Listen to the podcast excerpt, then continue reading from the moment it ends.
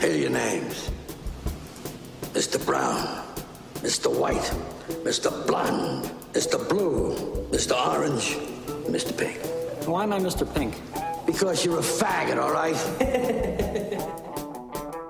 Benvinguts i benvingudes al Reservoir Jocs episodi 40.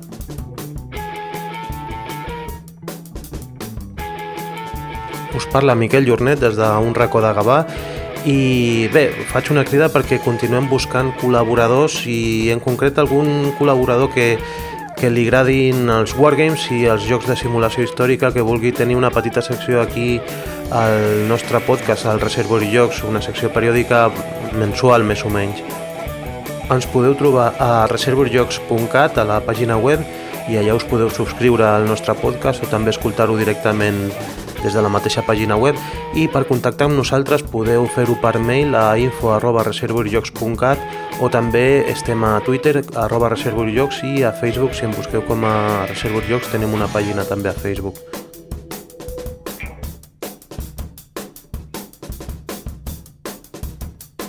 Avui venim carregats d'entrevistes i la primera d'elles és una molt bona notícia perquè tot just eh, una editorial a Granollers tanca, una altra nova editorial a Granollers obre i parlem amb els responsables de Viravi. Això és eh, el minut 5 de, dels àudios d'aquest podcast, d'aquest episodi, que és eh, bastant llarg, però que us anirem segmentant en aquest menú, com fem sempre, perquè vosaltres podeu triar els continguts que més us interessen. Això ho tenim Viravi, els responsables de Viravi, el Víctor Massacs, el Rafa López, el Víctor Covas i Antoni Serrat Sanfer, eh, estan al minut 5 d'aquest àudio. Hem de dir que ens alegra molt ser el primer mitjà que ofereix una entrevista amb la gent de Viravi, eh, perquè és una editorial que, tal i com ho vam veure nosaltres, pinta molt i molt bé i ja té algunes llicències a sota el braç eh, molt interessants, com podreu escoltar a l'entrevista que us oferim en aquest eh, episodi.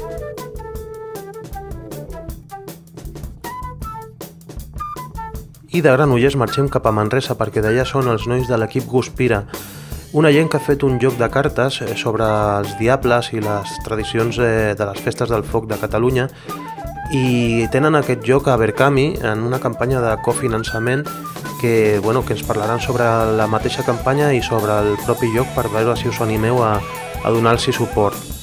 Aquest àudio el teniu al minut 43 i mig aproximadament.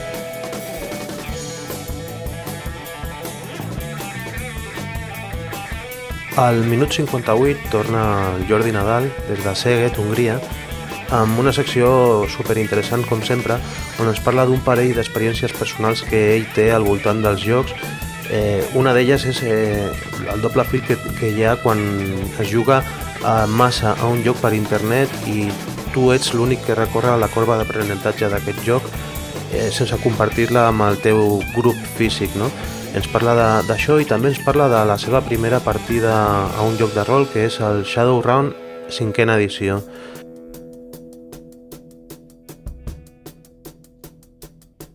I acabarem al minut 78 amb una entrevista a dos personatges de la cultura lúdica, sobretot del podcasting lúdic, que ja coneixeu tots vosaltres, que són el Vasco i el Fran de La Voz de su Juego, perquè sovint ens trobem al bar Queimada per fer partides i els he volgut entrevistar perquè ells són assidus a les 24 hores de Sabadell, que tot just són el proper cap de setmana, si escolteu això, eh, quan ha sortit és el següent cap de setmana, seran les 24 hores de Sabadell, i ells ens explicaran una mica les seves experiències, perquè han anat a moltes edicions de les nou fetes ja eh, d'aquestes jornades històriques a Catalunya, i ens parlaran d'anècdotes, de partides també que han viscut allà i ens explicaran també una mica el funcionament de, de les jornades i des d'aquí us animem a participar a les 24 hores de Sabadell que nosaltres, eh, si tot va bé, intentarem també ser-hi nosaltres per primera vegada i també en companyia del Vasco i el Frank com a, com a veterans.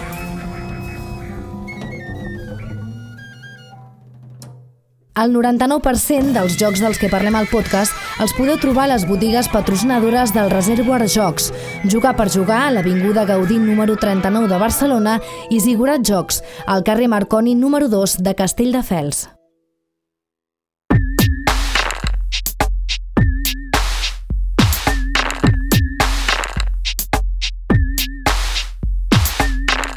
Ens hem desplaçat a, a Granollers, estem al centre de Granollers, a un, a un despatx, perquè bueno, mm, hi ha una novetat, que sortirà una nova editorial, estan sortint moltes, però tenim una nova editorial a, a Granollers, eh, Viravi, i primer parlarem amb en Toni Serra de Sanfer, que és eh, granollerí, eh, autor de jocs, ja el coneixeu, perquè ell té una vinculació amb, amb, aquesta, amb aquesta nova empresa i bueno, explica'ns, Toni, quin serà el teu paper o, o què faràs aquí amb els amics de, de Viravi? Quan els amics de Viravi es van posar en contacte amb mi, va venir una miqueta arrel del fet que ells ja tenien el projecte de, de, de l'editorial, un, eh, un, un projecte bastant clar i bastant, bastant perfilat, Uh, però tot i que són jugadors i gent vinculada més o menys al, al, al món del joc, de, del joc de taula, no potser estaven involucrats o coneixien tantes persones com seria convenient, podríem dir, no? Llavors uh, van dir, necessitaríem una persona que una miqueta en, en, ens guiés, ens fes d'assessor per, per lo que és els temes d'editorial, temes del que és el, els projectes, el que és els jocs. A través del Rafa, que és un dels, dels tres socis, van dir, doncs parlem amb Antoni, que ja porta 25 anys amb el Club de Rol de Granollers, així que, que també ell és del mateix club, i, i jugant ja porto molt temps. I em van dir, bueno, volem una persona a temps complet amb l'editorial. Dic, no, anem malament, anem malament, perquè a temps complet no ens posarem pas d'acord, perquè no em pagarà el que cobro en el banc. El que sí que vam arribar una miqueta a una mena de, de simbiosi, a mi m'ha engrescar el projecte de seguida, això d'iniciar una editorial catalana nova de, de jocs de taula. Jo no podia tenir dependència total d'això, però sí que podia dedicar-hi temps ara al començament i la idea era aquesta, doncs jo els explicaria de què va aquest món, el, el, les activitats que hi ha, les jornades, els jocs, i a la vegada també faria una miqueta d'escout, una miqueta de, de proposar els jocs que crec que poden ser convenients pel seu projecte, tant jocs estrangers, per agafar com a llicències, com també jocs d'autors nacionals. L'estar vinculat a l'Udo i moure't per jornades, doncs, també acabes veient uh, la producció que estan fent els autors uh, nacionals, no? I tot això, doncs clar, a mi també em serviria doncs, per aprofitar donar-me a conèixer més doncs, a, en altres editorials estrangeres. Per exemple, aquest any a, a Essen doncs, bueno, he pogut aprofitar per conèixer gent que d'altres maneres m'hauria costat més doncs, que, que, que, que em rebessin. Llavors és com una mena de simbiosi, no? Jo els explico el que, el que conec i el que, el que tinc i d'ajudar-los amb ells, doncs, jo també doncs, aprofito per treure una posició una miqueta d'inversió en el que és la meva, el meu, la meva professió, entre cometes, que és la d'autor de jocs. Ells eh, tan, entre cometes, enredat a tu, tu els enredaràs a ells perquè tu ets autor. Uh, bueno, jo m'enredo... A mi, a mi m'enreden molt fàcilment, vull dir... uh, amb els anys que, que fa que em moc, m'han enredat uh, a la fira Jugar per Jugar, m'han enredat a les Homínidos, m'han enredat al Dau Barcelona, m'han enredat a Tona, m'han enredat a tot arreu. Vull dir que enredar-me a mi és fàcil, això és la, la part fàcil. Uh, enredar-los amb ell és més complicat perquè si la meva tasca és buscar jocs que siguin publicables o que siguin uh, útils o que tinguin un, un target vàlid per, per, per l'editorial, no puc agafar i dir, mireu, jo tinc una maleta aquí. Vull dir, no, eh, s'ha de ser professional i s'ha de, de mirar tot. Evidentment, uh, també en el projecte inicial hi havia un encàrrec per mi i algun altre joc doncs, caurà doncs, per proximitat, com eh, els primers autors que hem trobat doncs, són autors més propers que altres, però perquè, clar, mm, el primer que busques és el que tens més, més a prop i em sembla que els uh, cinc autors que tenim així més o menys en cartera inicialment, tots són catalans, perquè són els que, els que tenim més, més contacte. Esperem que de mica en mica ja sortirà la web anunciat, doncs anirem agafant qualsevol altra cosa, però així de sortida amb tota la, amb tota la preparació de l'editorial d'aquests últims mesos, doncs, el que teníem més a prop és el primer que ens hem fixat. Doncs eh, abans havies parlat que, que et va trucar el Rafa i parlarem amb ell, que és la Ara de, de Viravi, i que alguns eh, ja el coneixereu, el Rafa López, que el podeu trobar a la botiga Homolúdicos de, de Granollers, o sigui que és un jugador també, mm, té molta experiència, i bé, bueno, eh, el Toni ha parlat d'autors i tal, si vols ja començar a introduir una mica les motivacions teves i la dels companys i, i les idees de Viravi. En un principi, el, el, el, jo vaig, vaig fer una mica, com, com he explicat del Toni, de, de pont entre ell i, i nosaltres, perquè ens coneixem des de fa 20 anys o més hem sigut, mm, som membres del mateix club de rol i bueno, ens coneixem de fa molt de temps I, bueno, jo des de la meva part de, de, de, de botiga doncs, coneixia el, els, els altres companys, de, sabia el funcionament de la seva empresa i bueno, anar parlant, anar parlant, anar parlant. Ells tenen una empresa que es dedica al tema d'activitats de lleure, ludoteca, etc etc. Jo tinc la botiga aquí de Granollers és molt fàcil, un més un o dos, és a dir, tenim moltes coses en comú i tot això. A partir d'aquí, doncs, bueno, vam començar a analitzar i preparar el projecte, que no és un projecte que ha nascut fa dos dies, eh, hem estat més d'un any donant-li voltes, eh, reunions, analitzant el mercat que volíem, etc etc, fins que, bueno, vam decidir contactar amb el Toni per dir, escolta, mira, aquest és el projecte que volem fer, anem per aquesta banda, què n'opines? Bueno, i es va enredar, com hem parlat fins ara. Per ara, és, així és com va néixer tot, en un principi. En el cas de motivació, com tu deies, eh, evidentment, eh, una persona com jo, que és a dir, té una botiga de, de, de jocs de taula, una botiga amb el model que tenen i les franquícies d'homolúdicos, no?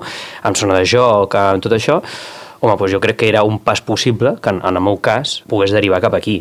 Això és normal, treballes amb molts jocs, treballes amb molta gent, vas a moltes fires, etc etc i bueno, és un projecte que engrescador. Però tu en estar en botiga, tu ets el que notes que, que clar, que, que aquest mundillo ha eclosionat, no? que, uh -huh. que s'està venent i igual tu ets el, el detonant també que dius eh, que aquí hi ha volum de negoci, no? Bueno, clar, a veure, nosaltres ens coneixem, els Víctors i jo ens coneixem també de fa molts anys, per tant, clar, evidentment, ells van explicant les seves coses, van explicant les coses i, i, i, i ells han vist com ha anat evolucionant. Jo inicialment, la, la botiga, la primera, perquè aquesta és la segona botiga que tinc, la vaig muntar a Mandaró amb un altre model molt diferent. Aquest model ha evolucionat i ha canviat totalment en el moment que jo entro a tenir homologos de Granollers, me la quedo fa, fa dos o tres anys, per tant, ells de venir a la botiga, d'anar parlant, han vist com ha anat evolucionant. És a dir, i és una cosa que qualsevol persona que estigui una mica en aquest món, sigui una que sigui més rolero, que sigui més un, de wargames o més de, de joc de taula, evidentment ha vist l'eclusió que hi ha, no?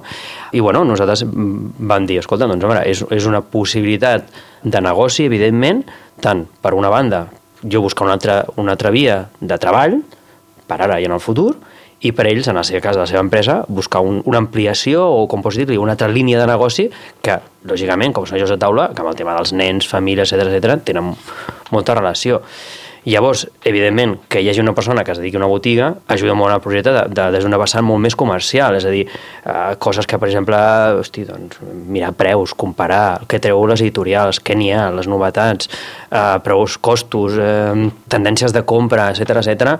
doncs això ajuda, ajuda molt. Això és el que jo puc aportar al projecte que, i evidentment, tens proves empíriques, el que vas venent, el que no, etc etc. També s'ha de dir que cada botiga és un, micro, és un micromón en si, eh? és a dir, una cosa que pot funcionar aquí, a Sabadell, el company de Sabadell no li funciona i el, hi ha una altra persona d'una botiga a Mataró sí que li funciona. Però bueno, tens una visió. Doncs eh, tenim l'assessor, que és l'autor, tenim el, el perfil comercial, que és el que veu el que, el que a peu de carrer es ven, i bueno, ara hem de parlar amb els altres, eh, els Víctors, no? Eh, amb un dels Víctors. Comencem primer amb el Víctor eh, Massac. Com, o sigui, com està enfocat, eh, enfocada la sortida de, de Viravi? Perquè ara estem parlant i estem a unes hores de que la web es posi en marxa i, i bé, què, què ens portareu eh, o què aportareu de nou al, al mercat editorial si es pot avançar alguna coseta? Parlem primer de, de línies generals.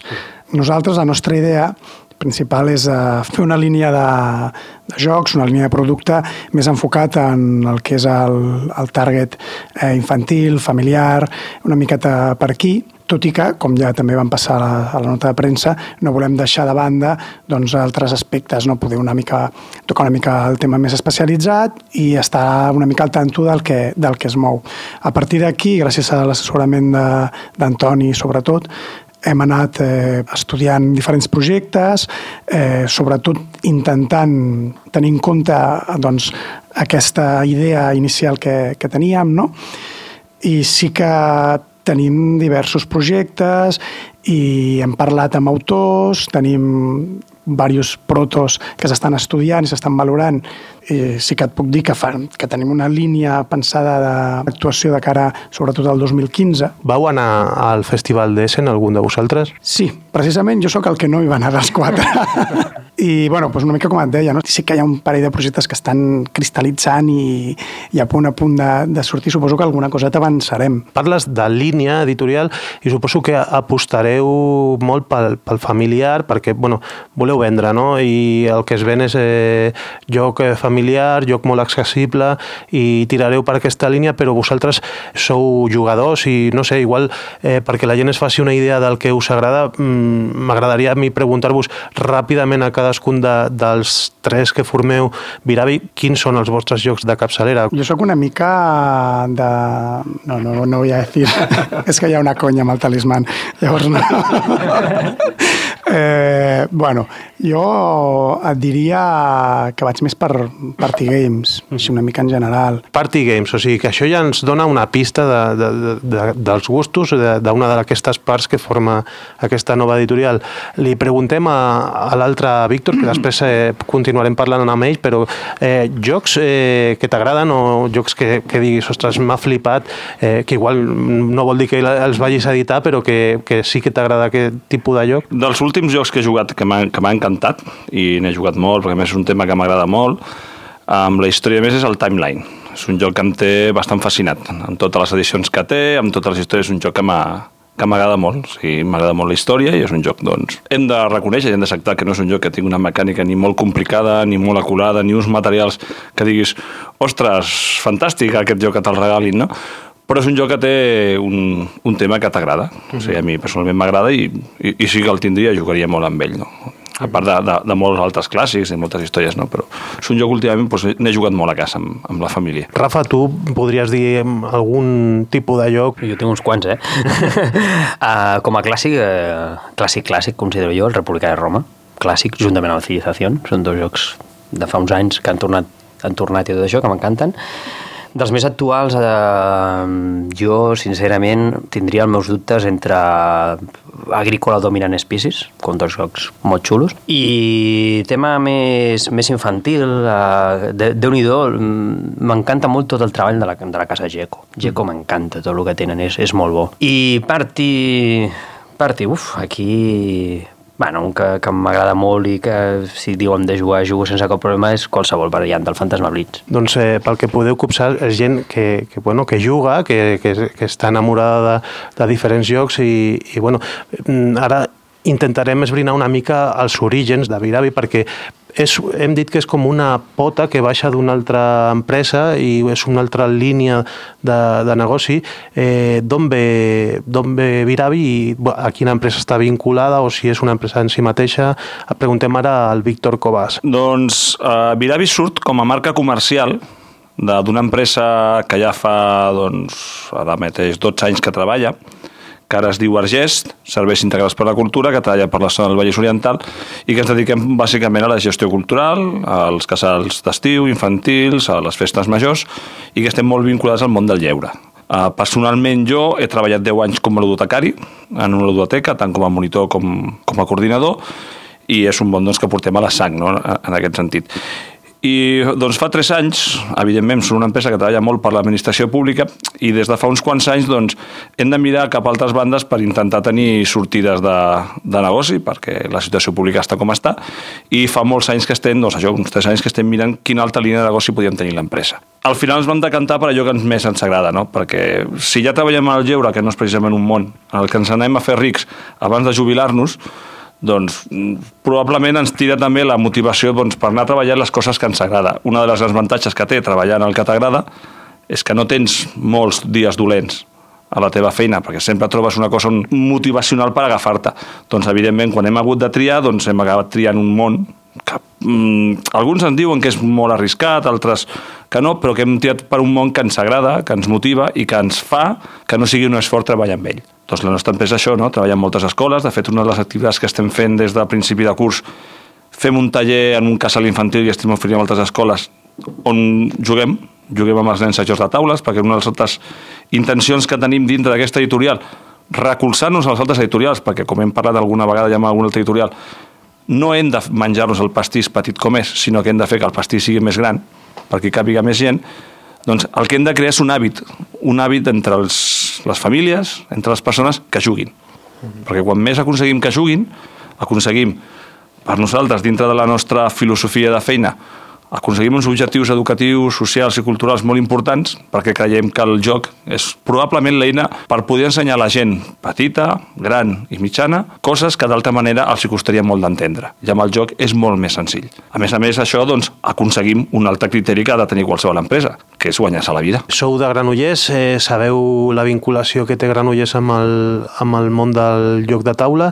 Teniu intenció d'estar presents a, a la propera fira de Granollers i bueno, no sé si, si esteu motivats o si esteu en contacte també amb gent històrica de, en el món editorial com és el Pol i la Heidi, per exemple, i li heu demanat consell. Bueno, en aquest cas, per exemple, ara que, ara que treus aquest tema, que és una bona pregunta, en el meu cas, jo sempre he volgut separar la, les dues coses. Són dos projectes diferents, són dos negocis diferents. Evidentment, hi ha una vinculació, per tant, evidentment, quan aquest projecte tira endavant, es parla amb Paul Lady, una, tenia una relació amb ells de franquiciat, franquiciat, etc però eh, a part d'això, res més, perquè considerem que el nostre model editorial o la nostra línia o cap on és molt diferent a lo que, a lo que ells feien. O sigui, en cap moment ens hem plantejat de ser una alternativa o un substitut d'una feina tan ben feta com la que va fer Homolodibus en el seu moment. Ens trobem, a Essen ens vam trobar, parlem, comentem, etc etc. però bueno, a part d'això, poc més, vull dir... I el tema Fira de Granollers?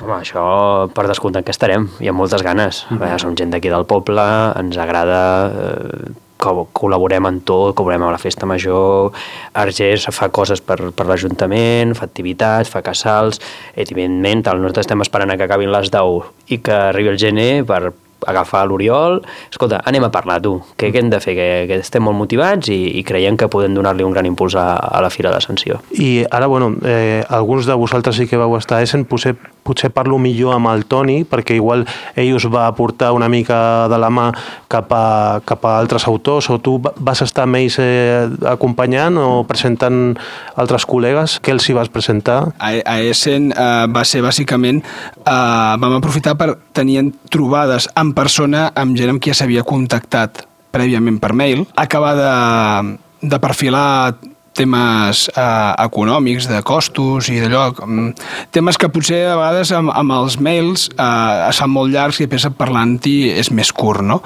Uh, no es va tancar res mm, en, en, en, en si en allà, no? però sí que algunes coses van quedar com a molt definides i d'altres uh, potser menys del que ens pensàvem, perquè realment creiem que anàvem allà amb bàsicament tres o quatre reunions i allò i prou, però després quan arribes allà vas veient coses i dius, bueno, tinc ara dues hores lliures, doncs mira, anem a informar en aquest estant sobre això, i t'explica una cosa i dius, ostres, això no, això també mola molt, no? això també és molt xulo, i, i hem tornat a Essen amb, amb més feina de la, que, de, de la que ens pensàvem, perquè ara la, la feina que toca és agafar els jocs, jugar-los, analitzar-los i fer un informe de cada joc a veure quines possibilitats té i, i quines viabilitats se li veuen. Doncs eh, el Toni us va portar per Essen i a Essen vau parlar amb gent, no? Eh, Víctor, eh, amb qui us vau trobar a Essen i també si podem saber una mica pues, algunes de les novetats que igual vau anar a caçar allà al Festival d'Essen. Sí, bueno, a Essen, evidentment, a part de, de sorprendre'm, perquè la primera que anava, la quantitat de gent que hi ha, la quantitat d'estants, que a mi em va animar a fer encara més coses, perquè dic, mm, sé que hi ha 800 estants, per què no puc ser-hi jo també? Ja anàvem una mica amb agenda ja definida, i un dels jocs que teníem més definits, doncs el vam anar directament a Essen, amb una reunió, a tancar-lo. Aquest joc, doncs alguns ja el coneixeu, ja s'està jugant en anglès, mm, se n'ha parlat d'ell en, en jornades, és el One, el One Night Werewolf Ultimate, que encara estem decidint com el traduirem al castellà i al català, perquè és una miqueta llarg. I és un dels jocs de Bashir Game doncs, que efectivament allà vam aconseguir donar-nos la mà, vam fer un pacte i estem tancant, bueno, i ja el tenim tancat per poder començar a comercialitzar-ho en, en el moment que ens arribin. Amb el senyor Ted Alspats, no? Correcte. Vam parlar amb, amb el Ted, mm, un senyor molt agradable, molt amable, molt, molt senzill i molt directe, que va estar encantat de treure el seu joc en altres dos idiomes perquè el traurem en català i en castellà. Un senyor molt alt, també. Sí, molt alt i molt gran. Aquelles persones que anàvem tres i no sé si l'haguéssim guanyat. El Ted com es va prendre el tema de, de dir-li que el traurem en, en espanyol i el traurem també en català? Bueno, la seva reacció va ser molt, molt, molt agradable, va dir, uau, two language? Ens va dir exactament això. Bueno, pues, eh, això ja marca una mica un compromís de, de Viravi eh, envers el, el català, eh, perquè la, podíeu haver triat una edició eh, bilingüe, però fareu una i altra, no? Correcte, farem eh, els dos idiomes perquè són dos idiomes diferents, és un joc que podem treure en, en dos idiomes amb la caixa ben marcada, tenim el nostre mercat, volem tenir el nostre mercat a Catalunya i tindrem i volem tenir el nostre mercat a Espanya. Evidentment, també eh, una de les coses que caracteritza el One, One Night Werewolf Ultimate és que té una aplicació, com ja sabeu, doncs aquesta aplicació evidentment estarà en català i estarà en castellà. La, la que es diu Companion Apps, que t'ajuda a fer una mica el setup i coses així, no? Correcte, sí, te'l va explicant què han de fer els jugadors, el temps, té un soroll de fons molt maco i et permet doncs, fer el joc sense tenir un màster tan, tan dedicat a això, no? Doncs es posa en marxa i, i bueno, ja ens va agradar i, i la farem amb els dos idiomes, evidentment. El Toni eh, ha portat de la mà també el, algun amic, autor, perquè també eh, Viravi vol entrar amb el mercat eh, familiar o, o fins i tot eh, infantil de jocs i bueno, tenim una petita sorpresa, no? Eh, què ens portes? Bé, doncs, uh, dintre de, dels jocs més eh, inicials, uh, el compromís de, de l'editorial és treballar també molt el, el producte propi.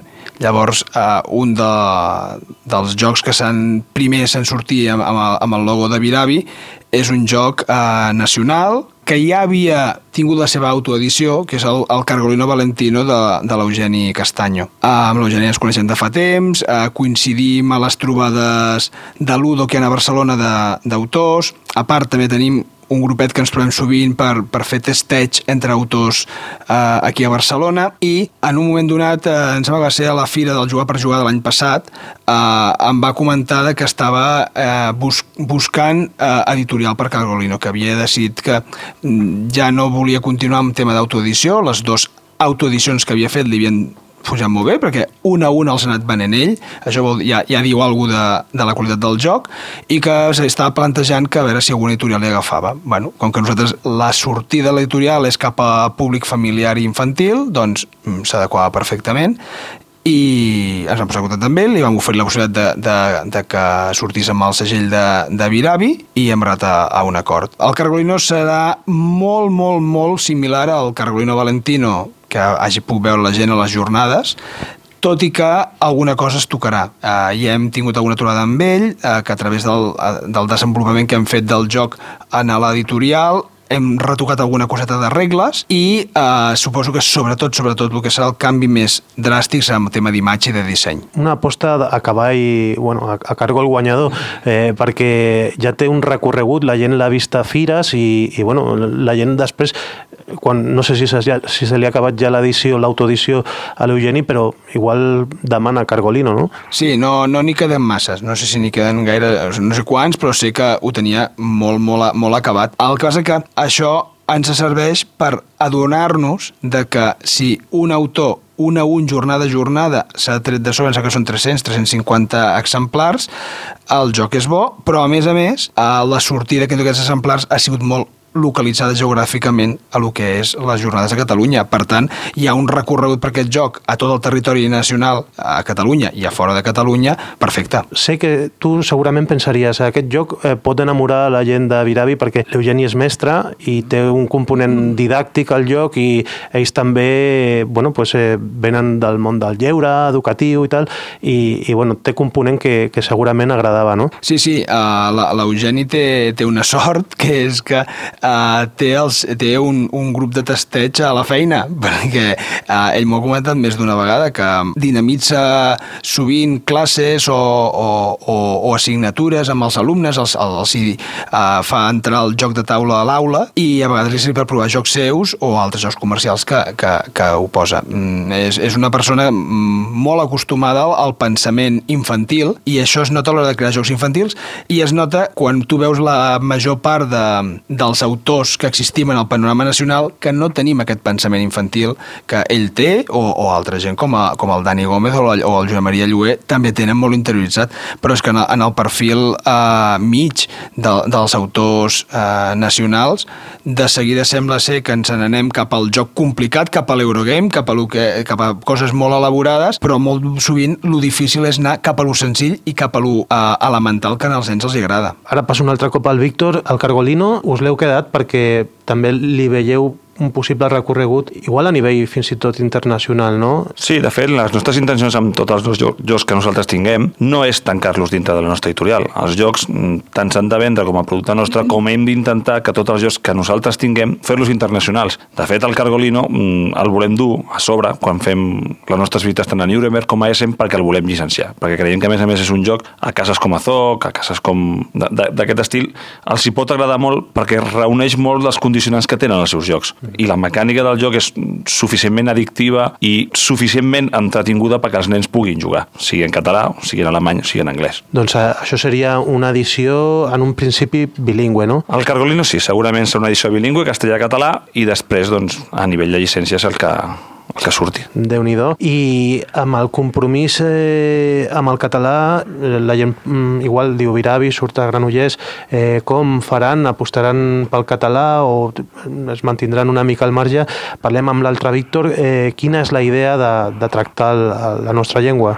La idea que tenim a, a Viravi és la idea de, de cuidar la nostra llengua. No? Sortim a, som una, una nova editorial catalana, per tant, pensem nosaltres, és evident que el català hi ha de ser. Vull dir, això no treu que, evidentment, eh, els jocs sortiran en castellà, sortiran en català o sortiran bilingües, independentment del que estudiem que, que ens interessa. No?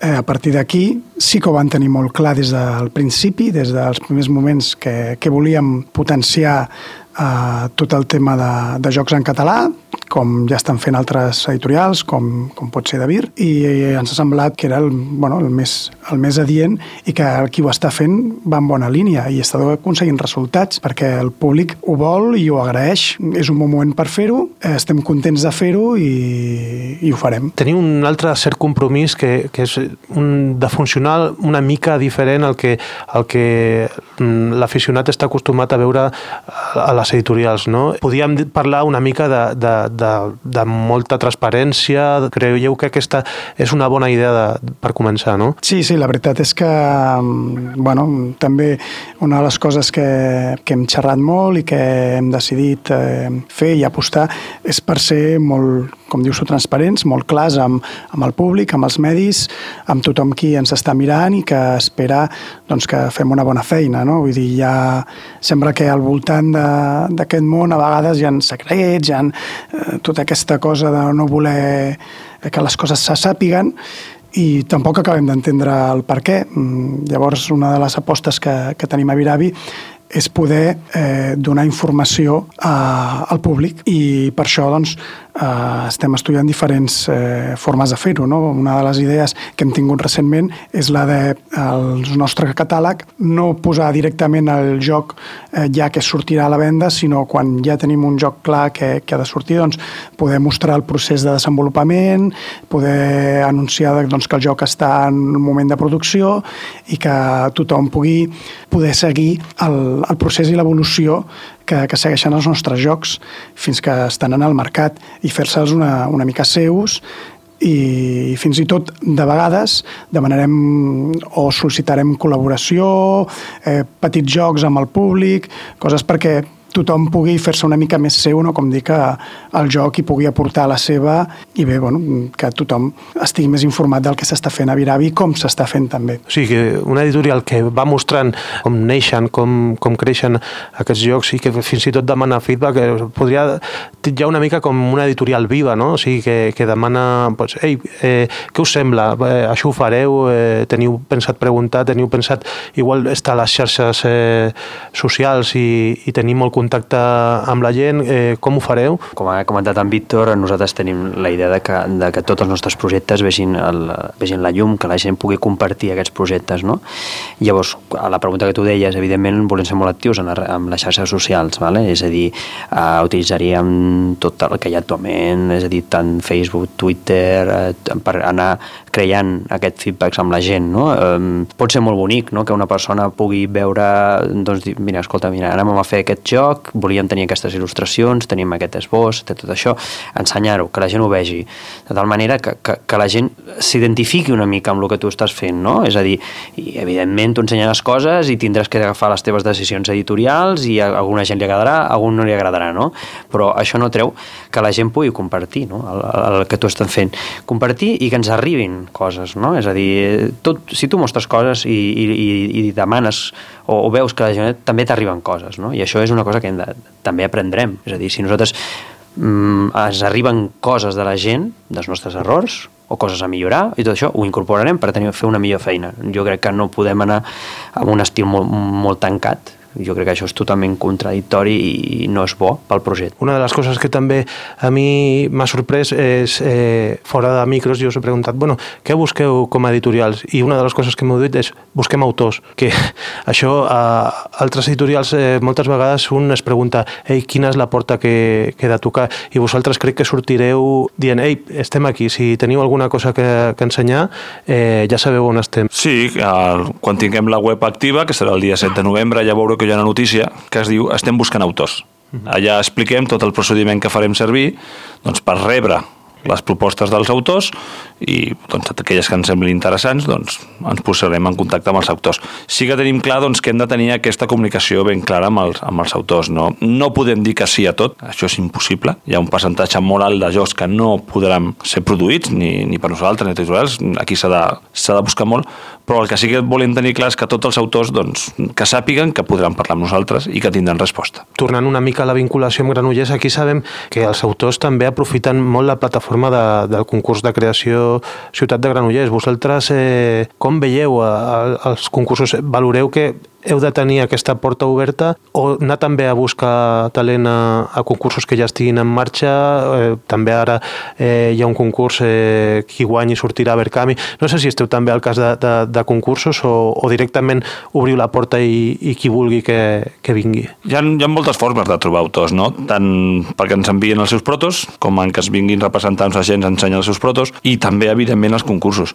No pots viure al marge dels concursos, hem d'estar pendent dels concursos i veure quins jocs es presenten als concursos. No només els guanyadors, en tots els concursos de tot el món es decideixen a vegades que el guanyador és un joc per uns criteris X que potser no són els que l'editorial necessita en aquell moment. Però en aquell concurs nosaltres veiem jocs que compleixen els nostres criteris que no són els guanyadors. Eh, per tant, no hem de veure només els guanyadors i per per fer això hem de ser allà, hem de ser als concursos, hem de poder avaluar aquests jocs, hem de participar de concursos, hem de fins i tot, mm, arribat al moment, qui sap, no, donar premis també a concursos, mm, buscar aquestes fórmules, perquè són fórmules que funcionen, que ens han demostrat que funcionen i, i que no les podem obviar. Toni, torno a parlar amb tu perquè la gent es preguntava, bueno, i serà la típica editorial que fa llicències o que aposta per autor nacional? Sembla que poden tocar tots els pals, no? No, no és una fórmula matemàtica, però podríem dir que 50-50. Vull dir, una miqueta el, el, el pes que ens agradaria tenir és aquest, 50-50. Després veurem a la llarga què va tenint. Possiblement eh, no acabi sent així, però la veritat és que la fe que hi han posat eh, els dos Víctors i el Rafa en que l'editorial ha de funcionar amb producte propi és enorme. Tenim molt clar que per trobar un joc molt bo potser n'has de mirar 150. Per tant, eh, seria una tonteria eh, no obrir una possibilitat que és la la de, que a través de la web la gent pugui contactar directament a nosaltres, vull dir, els concursos s'ha de fer, el de uh, participar en activitats com el protocitipos de l'Udo o anar a jornades, però un altre tema és el que obrir la porta perquè entri tot. Això vol dir això, que potser entraran 150 o, o, o 80 o els que siguin i que molts no vol dir que siguin dolents, però molts no combinen en el moment ni amb el perfil que està buscant aquell moment l'editorial, no? Això ja, ja t'ho dic per experiència perquè m'hi trobo jo quan vaig a, a tenir reunions amb editorials a Essen o altres llocs que diuen el joc m'agrada però ara no, no ha de sortir pues, és, moltes vegades la publicació del teu joc eh, depèn del moment correcte i en el lloc correcte i això no vol dir que tinguis un joc dolent, però si no, en el moment que has d'estar no hi ets, doncs no hi ets. Doncs es quedem una mica amb el titular, que és filosofia Barça, no? Cantera, cantera i cracs, eh, i bueno, ara no és un moment tampoc, el Barça no està... però bueno, la idea és aquesta, no? Apostar una mica per, per tot i, i bueno, pues, eh, jo mm, només em queda pues, eh, desitjar-vos molt bona sort amb aquesta iniciativa. Eh, veig que teniu les idees molt clares i, bueno, i que esteu acompanyats de, de gent que en sap i amb el que dèiem de la transparència voleu parlar de, de plaços de, perquè la gent igual espera i quan podré tenir el primer lloc de, de Viravi o coses així? La nostra previsió és tenir els nostres primers jocs en el mercat el mes de març. Bueno, sabem com funciona això, com funcionen les produccions, potser no és el mes de març i és el mes d'abril. Però no volem anar molt més, en, més enllà, perquè si no, al fin i al cap has de tenir una editorial per produir jocs, no per anar a fer entrevistes només, i ja ens veurem d'aquí un any a veure si tenim algun joc. Evidentment, és la nostra intenció. A partir d'aquí doncs, hi ha molts factors que potser nosaltres no podem controlar que fan que les coses no baixin al ritme que, que desitgem. Sí, bueno, la gent que ja estem una mica ficats ja sabem que depèn un, un vaixell que es queda a Xina o coses així, però bueno, almenys ja us heu mullat i heu dit eh, pel mes de març esperem els jocs de, de Viravi i estarem molt atents a, a la vostra pàgina web perquè sembla que serà com un mitjà molt, molt orgànic, no? per on ens eh, comunicareu cosetes i, i bueno, només em falta ja pues, això, desitjar-vos molta sort i us esperem a les botigues. Moltes gràcies. Moltes gràcies. Moltes gràcies. Merci, Miquel.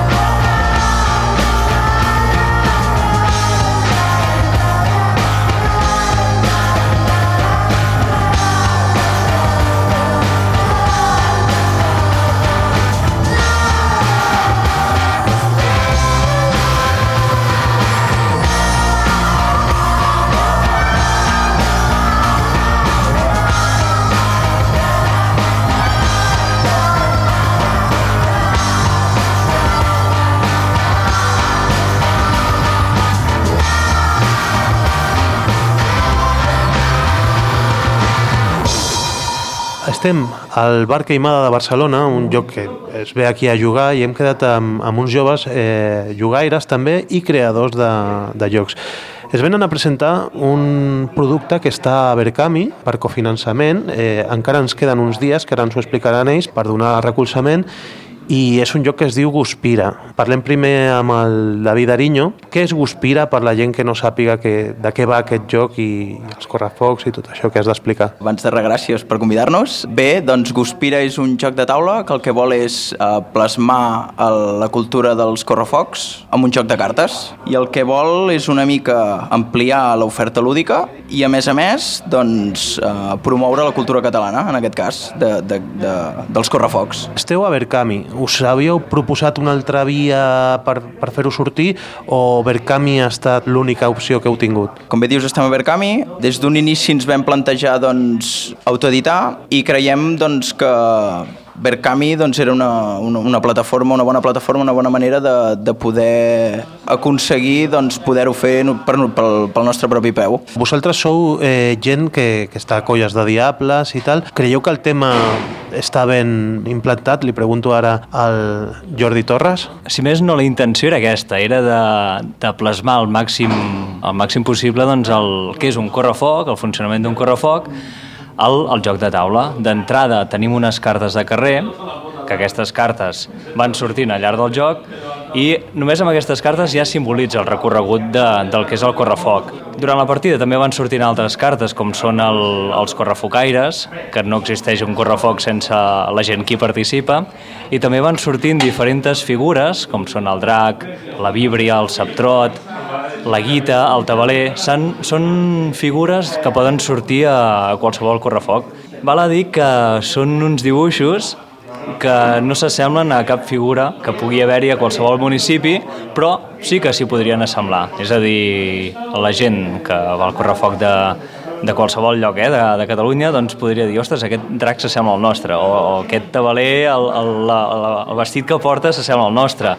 Però no hem volgut eh, que fos un, de, un en concret. Quantes partides porteu fetes i la gent que el juga, que, quin és el feedback que us donen, què us diuen? Doncs realment hem fet moltíssimes partides, perquè el, en la fase aquesta d'anar provant el joc, lògicament n'hem hagut de fer moltes per veure què funcionava, què no funcionava, i així anar, anar polint els diferents aspectes del joc. I sí que ha coincidit moltíssima gent que quan acabava la, el joc tenien ganes de repetir, perquè a la plaça final, que és la, la fase final de, del joc, doncs hi ha molta interacció entre els jugadors es prenen moltes cartes entre els jugadors i clar, això eh, genera doncs, una tensió a la partida que acaba i tens ganes de tornar-hi, sobretot els que han perdut, que tenen moltíssimes ganes de revenja amb el, amb el que ha guanyat. Sí, nosaltres hem fet una micropartida de, de demostració i el que jo he notat és que semblen gairebé dos jocs, no? que primer fas un joc eh, per farcir-te de, de figures i després eh, aquest joc de la interacció de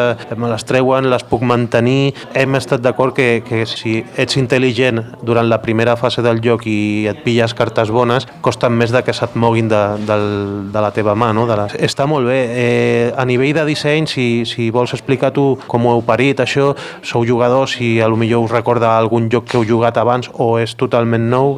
La veritat és que mm, jo diria que no, que no recorda cap joc. Sincerament, nosaltres el que hem volgut és una mica plasmar, com t'he dit abans, el, el, el que és el funcionament d'un correfoc foc. Heu anat aleshores del tema a la mecànica, no? Sí, podríem, podríem dir-ho així, sí. Jo crec que sí. I al final, la gent, perquè veurà cartes eh, quan entri al Berkami i tal, eh, bàsicament eh, la mecànica com la podríem explicar? Jo crec que té una mica de subhasta, no? Eh, una mica d'atzar sí. també. Diguem que cada jugador es posa amb, amb la pell d'un grup de diables i l'objectiu de cada jugador doncs, és, és aconseguir atraure els correfocaires, és a dir, al final de la partida eh, guanyarà el jugador que més puntuació tingui a través de, de les cartes aquestes de correfocaire. Llavors, com s'aconsegueixen aquests correfocaires? Cada jugador té a la seva mà sis cartes de pirotècnia, que són, diguem-ho així, el, la moneda que ha de pagar per poder aconseguir el, cridar l'atenció dels correfocaires. A partir d'aquí tenim un dau que també li dona un toc d'atzar al joc, amb el que pot ser que, que segons eh, la pirotècnia que tu has volgut gastar per aconseguir els correfocaires, pot fer que et costi més aconseguir un, correfocaire, doncs. Però sí que existeix la sensació de que d'estar cremant, no? D'estar cremant pirotècnia perquè estàs cremant cartes, en realitat, no? Exacte, a través d'aquestes cartes de pirotècnia representa que tu les vas gastant i a mesura que fas les tirades de dau, doncs representa que tu aquesta pirotècnia la cremes. Llavors, a mesura que aconsegueixes correfocaires o no, eh, aquestes cartes les vas descartant. Per tant, diguem que hi ha un moviment molt ràpid d'aquestes cartes. Es gasten i es roben de, de manera molt àgil. A vegades cremes i són efectives perquè aconsegueixes, un, aconsegueixes una figura o aconsegueixes alguna carta important eh, per tu, però a vegades les cremes i no aconsegueixes res, no? I fins i tot pots perdre algun diable dels que tens. Sí que volíem plasmar el que és el correfoc, però també volíem donar una mica de, una mica de dinamisme al joc. Quants carrers es van passant? Perquè sí que eh, tenia una mecànica que, que es van sortint carrers i això sí que dona la sensació de que, de que els jugadors estan passant i s'arriba a la fase final. Eh, heu contemplat quants tons es juga i tot això més o menys? Mira, en total de les cartes de carrer n'hi ha 12, hi ha 12 trams de carrer i després hi ha la plaça inicial i la plaça final. La plaça final sí que es barreja entre les 5 últimes cartes que tant pot ser que, que estigui a l'última, per tant la, la partida sigui el màxim de llarga, com això, eh, que, que pugui ser, sortir eh, això, entre les cinc últimes. En el moment que et surt la plaça final, tots els jugadors mostren les cartes que han aconseguit durant la, la partida i tots els jugadors han de mirar d'aconseguir les cartes dels seus rivals. Aquesta seria l'hora de la veritat, no? Hem arribat a la plaça, que és un final incert, que et pot sortir al final de tot o, o una mica abans, o sigui que això feia una mica de, de dubte eh, al final del joc i aquí ja és l'hora de la veritat no? Eh, aquí ja no hi ha amics no? i bueno, tothom va per totes no? Sí que és veritat, eh, que és un punt de la partida que, com molt bé dius, no hi ha amics i més, sobretot, el, aquella persona o aquell jugador que durant la partida ha aconseguit moltíssims correfocaires i moltíssimes figures, clar, normalment els altres jugadors aniran a per aquell segur. Diem el nom de, de la persona que us ha fet eh, els dibuixos perquè crec que estan força bé, som, som molt representatius de la cultura popular eh, perquè la gent ho conegui, perquè igual diu, aquest senyor ha il·lustrat alguna vegada o és conegut dins del món dels jocs o, o no? Bé, no, nosaltres el vam trobar per internet, Xavier Càliz és el nostre dibuixant, i bueno, de seguida ens vam posar en contacte amb ell, ens va mostrar uh, moltes ganes de participar en aquest projecte i poder il·lustrar un joc, sobretot el tema dels correfocs, i bé, de seguida ens vam posar, ens vam posar a treballar junts. Uh, han estat també ho he de dir, molts mesos de feina conjunta. A més, ell, ell és de Calella, el Xavier Càliz, i nosaltres som de Manresa. Llavors, clar, la, la distància també en aquests casos ha resultat en algun punt una dificultat però a través de trobades de Skype i trucades telefòniques doncs al final ens hem acabat eh, entenent perfectament i, i bé, eh, molt contents, molt contents. Ja que diem els noms d'una persona que ha participat aquí, també direm que, que està també la Núria Font eh, entre l'equip Guspira, no? I ara que parlem d'equip Guspira, parlem de Berkami, de la campanya Berkami, perquè equip Guspira que és, eh, és un nom d'un grup d'amics o us heu hagut de fer empresa o associació o perquè la gent que vulgui fer un Berkami, eh, un micromecenatge, que sàpiga també els passos que s'han de donar. Equip Guspira eh, va començar com el que som ara mateix, que és un grup d'amics amb un projecte en comú i aficions en comú també. Els tres som membres d'una entitat de, de l'entitat Xàldiga de Manresa, de, del Correfocs i, i altres activitats. I a més també fem moltes trobades, sobretot eh, amb el Club del Joc del CAE, per jugar els, els dijous al vespre i altres dies i llavors va ser una mica doncs portem això endavant no? Uh, inicialment vam començar a Verkami com a grup d'amics no, no vam tenir cap problema en començar això la idea sí que és que un cop si, si això arriba a sortir uh, formalitzar-ho i, i muntar algun tipus de diguem-ne societat per dur tot aquest tema una mica més legalitzat o seri bueno, seriós, no ho sé. Clar, o sigui, vosaltres heu fet el projecte, el teniu, però clar, esteu esperant a que acabi i que hi hagi el diner per, per portar-ho a terme. Recordem una mica les dades numèriques d'aquest Verkami, com està a hores d'ara. Estem a uns eh, 15 dies i escaig de que acabi uh -huh. i esteu al voltant dels, dels 4.000 euros. Eh, us falten 1.000 euros per arribar als 5.000, com aquell qui diu, i perquè el projecte tiri endavant. O sigui, què li diríeu a la gent que encara no s'ha espavilat, a la gent d'última hora, que diu m'estic esperant a veure si surt o no surt, perquè igual és per ells pels que acaba, pels que acaba sortint. O sigui, el més comercial, per exemple, eh, tu, Jordi. A la gent els diríem que no s'ho pensés més perquè queden 15 dies, però els dies passen molt ràpid i ens hem trobat fins i tot de gent que, que els agrada el joc, el, el projecte el troben molt interessant, però ens, ens diuen, ostres, ja, ja ho farem, ja ho farem.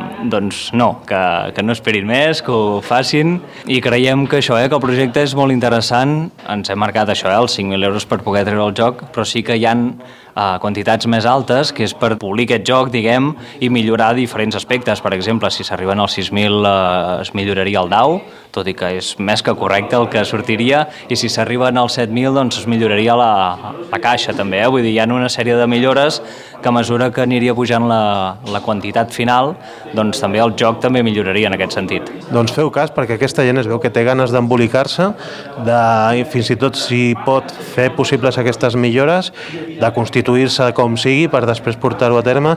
I l'última pregunta que em faig és eh, com ha respost eh, aquest joc amb aquest tema tan peculiar eh, entre la gent habituada a treballar amb el foc i, i de les festes i, i de la cultura popular. M'estic referint a les colles. Heu trobat que heu tingut suport o encara trobeu una mica a faltar aquesta gent que igual és la que us pot donar el suport d'última hora? Doncs ens hem trobat el cas, fins i tot que vam estar a Vilafranca presentant el joc a la Fira Juguem i allà ens van venir un parell de, de diables de la colla de Vilafranca que van venir expressament a interessar-se pel joc perquè havien sentit veus i els havien dit ostres, que hi ha un joc de taula ha inspirat amb el correfoc i trobaven molt curiosa aquesta iniciativa. I van venir expressament a veure el joc i, i els hi va agradar moltíssim. De cara al Verkami sí que Uh, no hem, tenim un PAC destinat a les entitats i en aquests moments uh, no tenim cap aportació de, de, de les entitats. Sí que pot ser que a nivell individual Diables de, de Catalunya sí que hagin fet la, la seva aportació,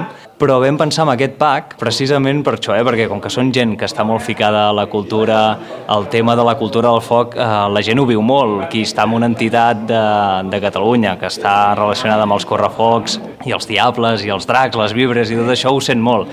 Doncs una, un dels objectius que teníem era que això, eh? que qui ho viu al carrer també ho pugui viure a casa, eh? que pugui tenir aquest joc i que després d'un correfoc doncs aquest correfoc no s'acabi sinó que vagi cap a casa amb els amics, amb la família, amb qui sigui i pugui seguir aquesta aventura no? tan xula i aquesta cultura tan maca no? que hi ha tanta afició aquí a Catalunya.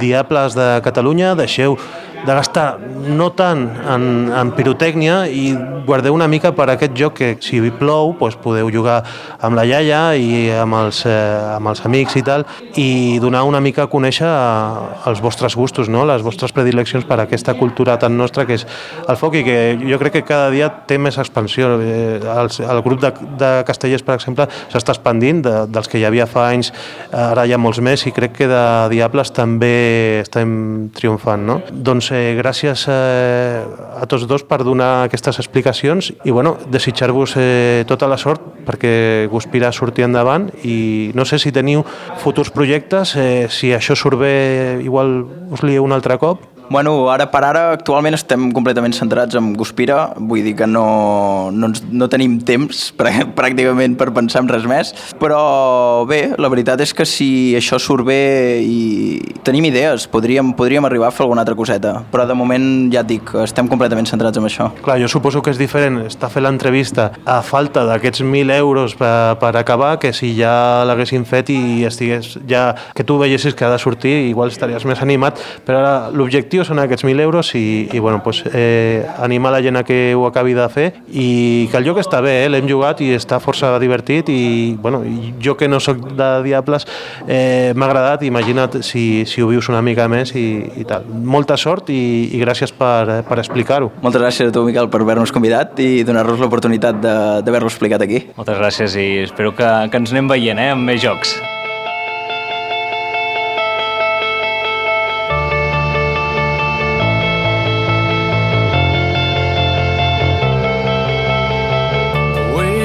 Ei, què tal companys? Benvinguts a la secció Lost in Translation. Us parla Jordi Nadal des de la preciosa ciutat de Szeged, Hongria. A la secció d'avui volia parlar sobre el Tolkien. El Tolkien és un Eurogame, és un joc de col·locació de treballadors. És aquest joc que tant se'n parla perquè l'està editant Zacatrus. Bé, l'acaba d'editar Zacatrus. Has d'aconseguir recursos. Aquests recursos el que podràs fer és construir edificis i amb aquests edificis aconseguiràs punts més endavant de la partida. A part d'aconseguir edificis per aconseguir punts, es poden fer moltes altres coses per aconseguir punts, per tant és un joc en el qual hi ha moltes estratègies a seguir. Una de les crítiques que ha patit aquest joc una de les coses que se li critica al joc és que hi ha una estratègia que és millor que les altres i aquí és el quid de la qüestió i d'això parlarem avui una mica. Ja vaig comentar uh, uh, uns capítols anteriors que volia fer un intensiu i parlar de les estratègies però el que m'ha passat és que jo vaig començar jugant a internet molt aquest joc, o sigui, estàvem buscant un joc amb els col·legues per jugar així a distància amb els meus companys de, de Barcelona per poder jugar a un Eurogame així d'orillo vam trobar el Tolkien, ens hi vam posar a jugar, ens va agradar molt i el que vaig fer jo és, a, partir, a part de jugar amb els meus amics, jugar amb gent d'internet a mesura que vaig jugar amb gent d'internet, al final em vaig trobar un paio que em va fer l'estratègia mítica guanyadora, és a dir, aquesta que tothom critica, que tothom fa el mateix i, és, i així tens més possibilitats de guanyar i que el joc està trencat. Doncs em van fer l'estratègia i llavors jo vaig dir, join, vaig a fer jo aquesta estratègia també perquè és que és boníssima. Bàsicament el que ha passat és que quan vaig ensenyar el joc en viu, evidentment vaig fer aquesta estratègia perquè, doncs perquè és millor, perquè fas més punts i també perquè l'aprenguessin ells i perquè també se la fessin si volguessin però el que ha passat és que la gent amb qui he jugat no volen repetir perquè diuen que el joc està trencat, que si fas aquesta estratègia és molt fàcil, a més a més, fer l'estratègia és una mica repetitiu, perquè tota la partida, bàsicament, estàs agafant recursos i canviar-los per menjar i així tota l'estona. Tampoc us vull explicar molt exactament com és l'estratègia perquè no us vull xafar el joc. I la conclusió és que ara mateix, a dia d'avui, al meu club de jocs de taula dels divendres, ningú vol jugar al Tolkien. Almenys amb mi, ningú vol jugar al Tolkien amb mi. Això m'ha portat a reflexionar una mica sobre els jocs de taula i els jocs de taula a internet. Eh, fa molts programes vaig comentar que era fantàstic, que podia jugar amb els meus amics, que trencaves les distàncies, podia jugar a l'hora que volguessis, és veritat, té moltes, té moltes avantatges, però Uh, crec que té alguna, alguns inconvenients també, per exemple uh, el primer, m'ha passat això amb el Tolkien uh, ensenyo el joc en viu veuen que jo tinc molta experiència o veuen uh, una mica el punt feble del joc tot i que jo no el trobo un punt feble però sí, veuen que el joc està una, una mica desequilibrat per un lloc i, i ja no els ha agradat en el joc. En, estem en aquest ritme de voler jugar molts jocs a molts jocs i la que veus que un està una mica trencat, no, no, aquest no, ja canviem a un altre joc, no? També un altre dels contres és que els companys veien que era molt difícil guanyar-me, que jo ja tenia molta més experiència i se't fa una, potser una mica avorrit jugar amb algú que juga habitualment a un joc de taula perquè saps que tens moltes menys possibilitats de guanyar que si juguem tots a un altre joc en el qual tots tinguem la mateixa experiència. Per dir una altra cosa bona que té eh, jugar a internet, doncs, per exemple, Uh, a mi m'agrada molt jugar a internet perquè aprofundeixes molt en les estratègies d'un joc. Per exemple, el Tolkien jo segurament hauria d'haver jugat molt de temps abans d'haver descobert aquesta estratègia. I segurament qui va descobrir aquesta estratègia no, no va fer tot ell un dia a casa pensant, sinó això és una cosa que un dia fa un i l'altre diu, ostres, això és una bona idea, vaig a fer-ho però una mica millor i un altre li veu, li copia, ostres, vaig a fer això, però veig que aquest ho ha fet d'una manera, jo vaig a optimitzar-ho i crec que ho faré millor.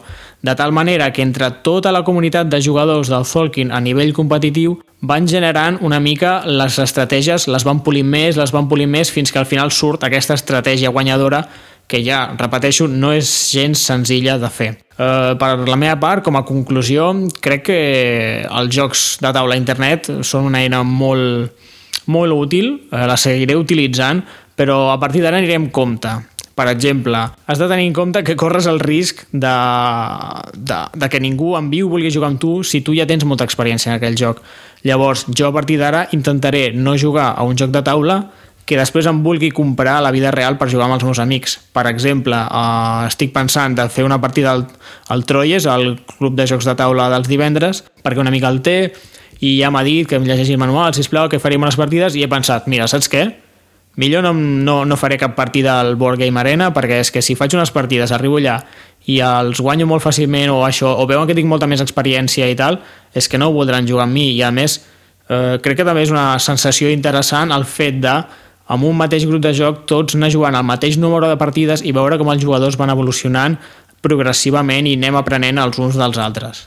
Per altra banda, hi ha alguns jocs, tipus els Living Card Games, com el Netrunner, Magic, Juego de Trones, Hearthstone, en el que és pràcticament obligatori estar eh, mirant estratègies a internet o jugant a internet, practicant i practicant, perquè és el que va la gent, és un món més competitiu en el que has de practicar i saber de les millors cartes i com combinen entre elles. Pràcticament és obligatori fer això a l'internet. Llavors, la meva conclusió és aquesta. Eh, depèn del joc, jugaré per internet. Si tinc en ment jugar-hi en el futur i és un joc, eh, és un Eurogame així d'estratègia, segurament ja no hi jugaré o hi jugaré un cop, ja he jugat molt amb els meus amics, potser l'estem avorrint i a mi em continua agradant doncs per aprofundir en estratègies d'aquest mateix joc, jugar amb gent que també és molt malalta d'aquest joc per portar-lo com a un nivell superior, un nivell més competitiu.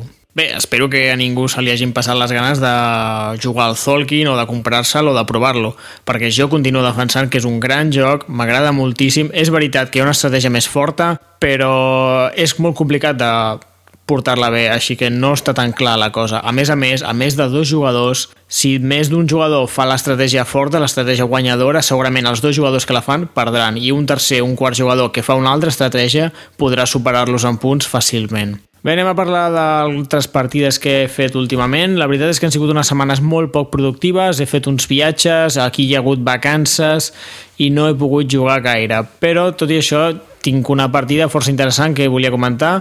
Eh, dissabte passat vaig fer la meva primera partida de rol. Sí, ja sé que això s'escapa una mica dels, dels límits del Reservoir Jocs, que és només de jocs de taula, un joc de rol no el podem considerar un joc de taula, però va ser, va ser interessant i crec que, està, que estaria bé que sapigués una mica la meva opinió.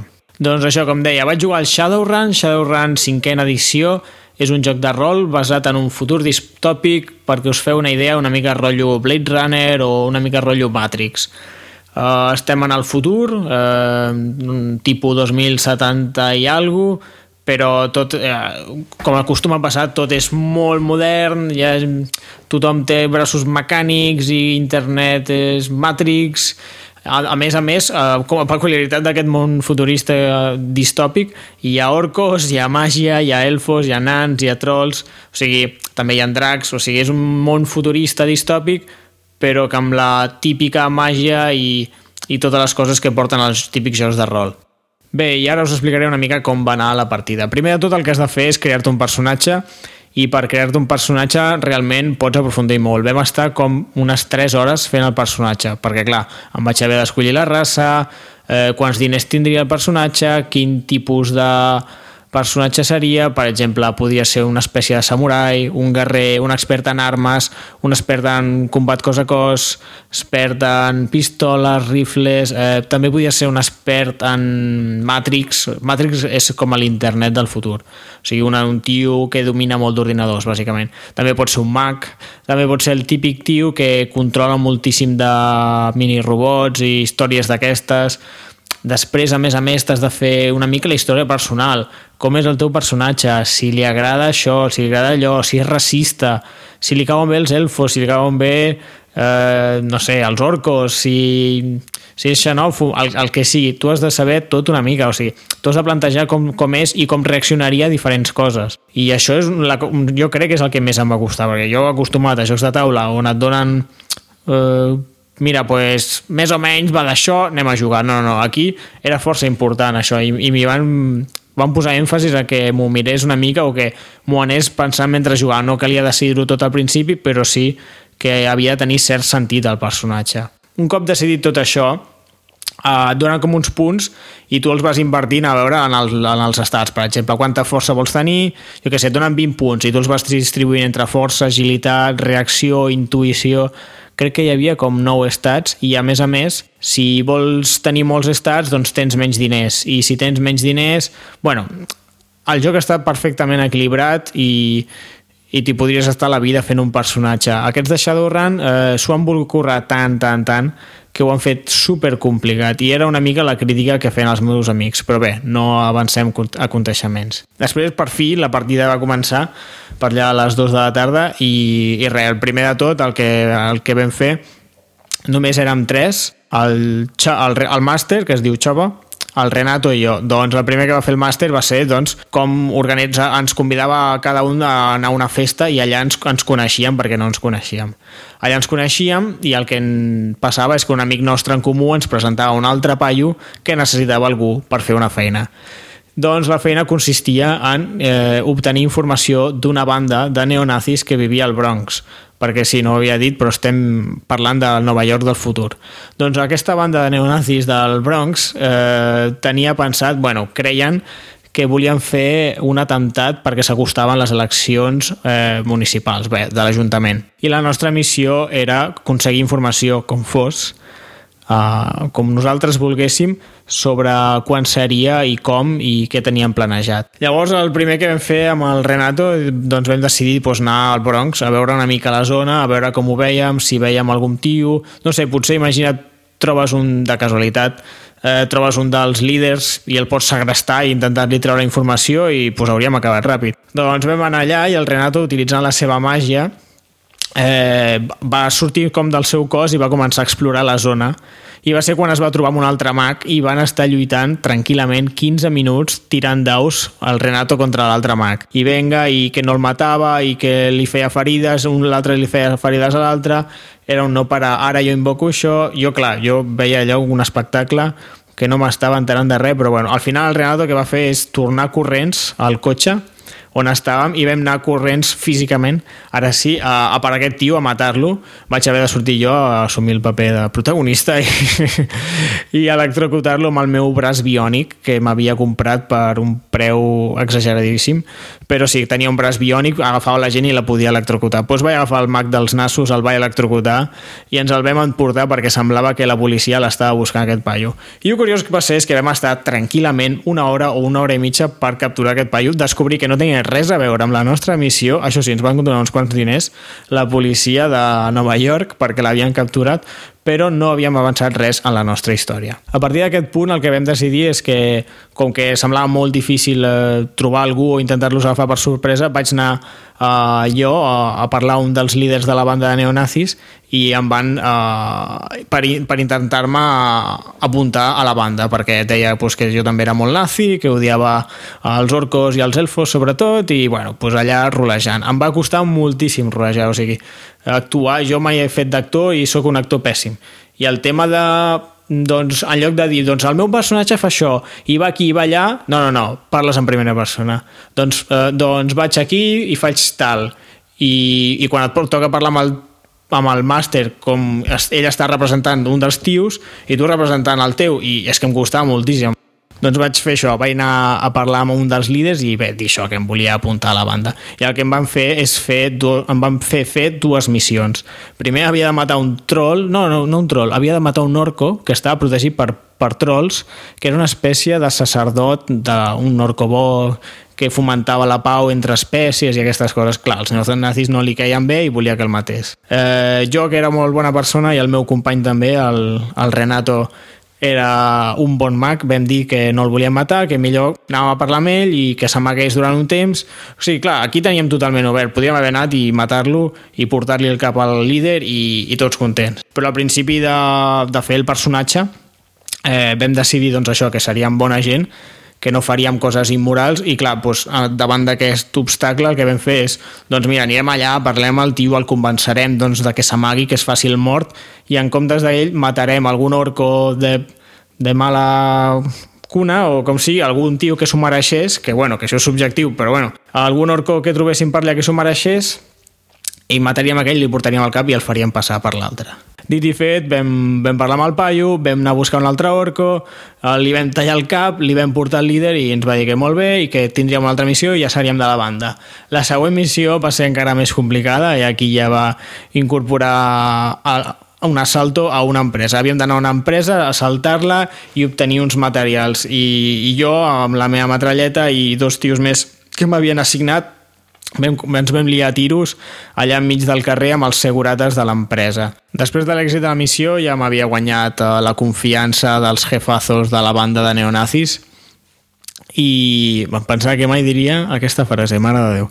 Doncs després de guanyar-me la confiança dels neonazis eh, vaig ja vaig poder parlar amb els jefazos, amb la gent amb qui jo volia realment parlar, perquè em podien donar la informació que és el que m'estaven demanant per la meva missió al principi de partida, però ja era tan tard que ho vam haver de deixar. Bé, com a conclusions, comentar que a mi se'm va fer molt estrany uh, haver de rolejar, haver de posar-me en el paper d'un altre, haver d'actuar una mica, parlar amb una persona que saps que és un amic teu i fer veure que ell és un tio i tu fer veure que és un altre, a vegades fins i tot canviar la veu i dir coses racistes que em va tocar dir per fer caure'ls bé als neonazis, se'm va fer tot estrany, la veritat. Però mm, al final li trobes una mica gustillo i em va agradar i a més al final del dia doncs, representa això, et dona com una experiència la podràs invertir en el teu personatge i aquestes coses, pues, no sé, sempre fan gràcia. A més a més, una altra cosa que se'm va fer molt estrany és no tenir delimitat el que podia fer. Perquè, clar, en, en tot moment pots fer qualsevol cosa. O sigui, tu li proposes al màster i ell, bueno, doncs tira uns daus i considerant, doncs mira, això és més difícil, això és més fàcil, com que vas amb una moto i dispares, doncs tens una bonificació de menys tal, menys qual, i pots fer el que vulguis, tu decideixes, però després el màster decideix eh, quin, quina dificultat té allò que tu vols fer. A més a més, com a experiència va estar molt interessant poder jugar eh, un joc de rol en anglès. Eh, no sé quin nivell teniu d'anglès, però jo, el meu nivell és mitjà, suposo com la majoria, el que passa que tinc molta pràctica en el poc anglès que sé, perquè he practicat molt per aquí. Però a l'haver de parlar de coses molt més complicades, cada dos per tres utilitzant paraules que no coneixia i verbs que no estic acostumat a utilitzar, i la veritat és que em va anar molt bé per conèixer nou vocabulari, perquè normalment no utilitzes els verbs tan específics. I no sé, ara no se m'acut cap paraula que vaig aprendre, però ja us dic que va, va anar molt bé. Si voleu aprendre anglès, busqueu un grup de rol en anglès que segur que aprendreu moltíssim. Uh, sobre el rol en general, crec que depèn molt amb qui jugues. Depèn al màster, depèn amb els companys que et toca, com ho fan ells, si no es posen gens en el paper, si se'ls fa molt raro... Uh, això pot arruïnar una partida. També un mal màster pot arruïnar una partida. És a dir, depèn de moltíssimes coses. A més a més, a vegades passa que un tio que està tan motivat i exagerant tant tot que al final a tu t'incomoda, no? Te'n vols anar a casa i no saber res més d'aquell paio. Doncs jo crec que això del rol, a diferència dels jocs de taula, depèn molt amb qui ho fas, on i quan. O sigui, és molt important amb qui jugues i com ho fan ells. També una altra sensació que em va donar el tema del rol és que és una inversió d'hores enorme, o sigui, per fer una partida que ja heu vist, que us ho he pogut explicar en 10 minuts com va anar, vam estar 10 hores jugant, més, i això suma-li 3 hores que vam estar creant el personatge, o sigui, 13 hores per anar i matar quatre paios i, i al final no vam ni aconseguir la informació que volíem, que ho haurem de fer el pròxim dia.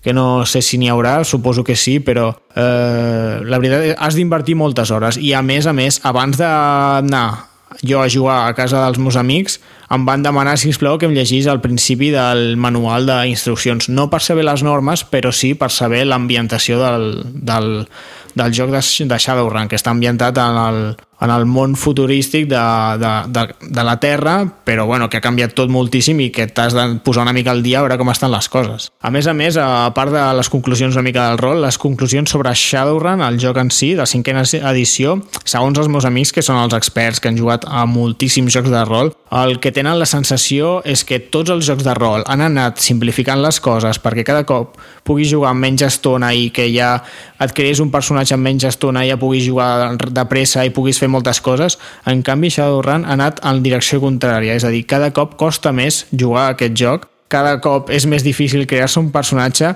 però té la part bona que cada cop eh, és una experiència com més personalitzada, no? O sigui, com més pots crear-te el teu personatge, li pots donar més eh, matisos, és a dir, el pots fer més teu. Un altre exemple de la complicació de Shadowrun eh, és amb el combat. Normalment els combats als altres jocs, pel que m'han dit, jo no tinc ni idea, eh, és una tirada del màster normalment i prou, o com a molt dos, i amb pocs daus.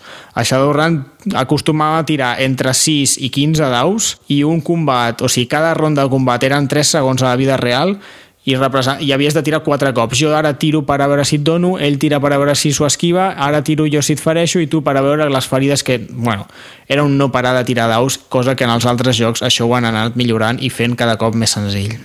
Bé, companys, se m'ha passat l'estona volant parlant d'orcos i del futur distòpics, així que ho matarem per avui. Espero que us hagi agradat la secció i que us animeu a jugar al Tolkien o a qualsevol joc de rol a veure què us sembla. Fins aviat. Estoy en el bar Queimada y ahora estoy con Vasco y Fran del podcast La Voz de su Juego. Ellos son asiduos a las 24 horas de Sabadell y vamos a hablar con ellos por qué les gusta tanto ir a las 24 horas de Sabadell y un poco cómo funcionan esas jornadas. Vasco, ¿qué tienen las 24 horas de Sabadell para vosotros? Pues que son 24 horas de juegos ininterrumpidos y aguantar como una bestia, sin dormir y jugar, jugar como un bestia. Es el mecanismo de un botijo, básicamente. Entonces, pues es muy divertido. Pues puedes jugar un montón de juegos, como puedes jugar un juego muy largo y luego jugar algunos pequeños. Y sobre todo lo, lo divertido, la, la, la- yo creo que lo más cachondo del tema es demostrar que somos unos fricazos incombustibles y aguantamos 24 horas despierto jugando a juegos. Eso de aguantar 24 horas es relativo, porque el que históricamente se dormía eras tú, Vasco, pero el, el año pasado, y hay una, una prueba de audio, el que se durmió eh, fue Fran. ¿Realmente fue duro, Fran, para aguantar las 24 horas? Es muy duro aguantar las 24 horas y yo el año pasado no fui capaz. No sé, creo que fue sobre las 5 o las 6 que caí y no sé a qué hora me desperté. De hecho, este año mm, no tengo planificado ir todas las 24 horas. Será la primera edición porque he ido a todas, no como Vasco, que se ha perdido dos. No tengo planificado ir todas, porque lo- el año pasado reconozco que cuando me dormí lo pasé mal. Vasco pedía turno de palabra cuando, bueno, han dicho que no- él sí que se ha perdido algunas. ¿Quieres argumentarlo? Eh, Las dos veces que me lo he perdido no fue como por motivos como ha dicho Frank, que simplemente por su propia voluntad que decide no quedarse a las 24 horas, lo cual me parece una cobardía enorme. ¿vale? Lo mío fueron circunstancias. Me parece que una fue un- que tuvo un resfriado como un caballo y lo otro fue una mudanza. Entonces yo en la mudanza pues evidentemente no podía ir.